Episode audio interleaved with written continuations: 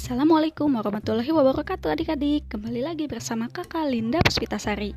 Pada podcast kali ini kita akan membahas mengenai faktor penyebab keberagaman di Indonesia.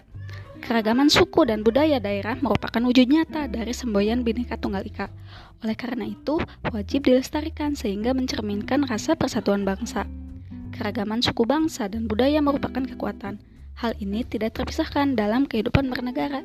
Sejarah telah membuktikan persatuan dan kesatuan bangsa ternyata dapat mengusir penjajah. Ketika bangsa Indonesia mengalami kegagalan, dikarenakan kita belum bersatu. Pada saat itu, kita masih bercerai-berai. Keadaan tersebut menyebabkan perjuangan mudah untuk dipatahkan. Nah, ada beberapa faktor penyebab keberagaman di Indonesia. Yang pertama itu faktor letak geografis. Indonesia merupakan negara kesatuan yang memiliki ribuan pulau. Luas wilayah Indonesia yang besar berpengaruh terhadap banyaknya keberagaman yang dimiliki. Kondisi itu menjadi sumber keberagaman tercipta, seperti suku, budaya, ras, dan golongan. Dengan kondisi tersebut menimbulkan perbedaan dalam masyarakat. Pastinya satu pulau dengan pulau lain memiliki perbedaan atau karakteristik masing-masing. Nah, untuk faktor penyebab keberagaman di Indonesia yang kedua adalah kondisi iklim dan alam yang berbeda.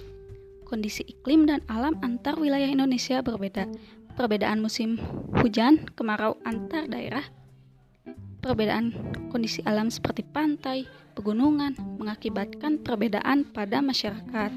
Nah, bagaimana adik-adik untuk faktor penyebab keberagaman Indonesia itu salah satunya letak geografisnya, dan yang kedua kondisi iklim dan alam yang berbeda. Nah, untuk materi kali ini kita cukupkan uh, sampai di sini. Sampai bertemu di podcast selanjutnya. Dadah. Wassalamualaikum warahmatullahi wabarakatuh.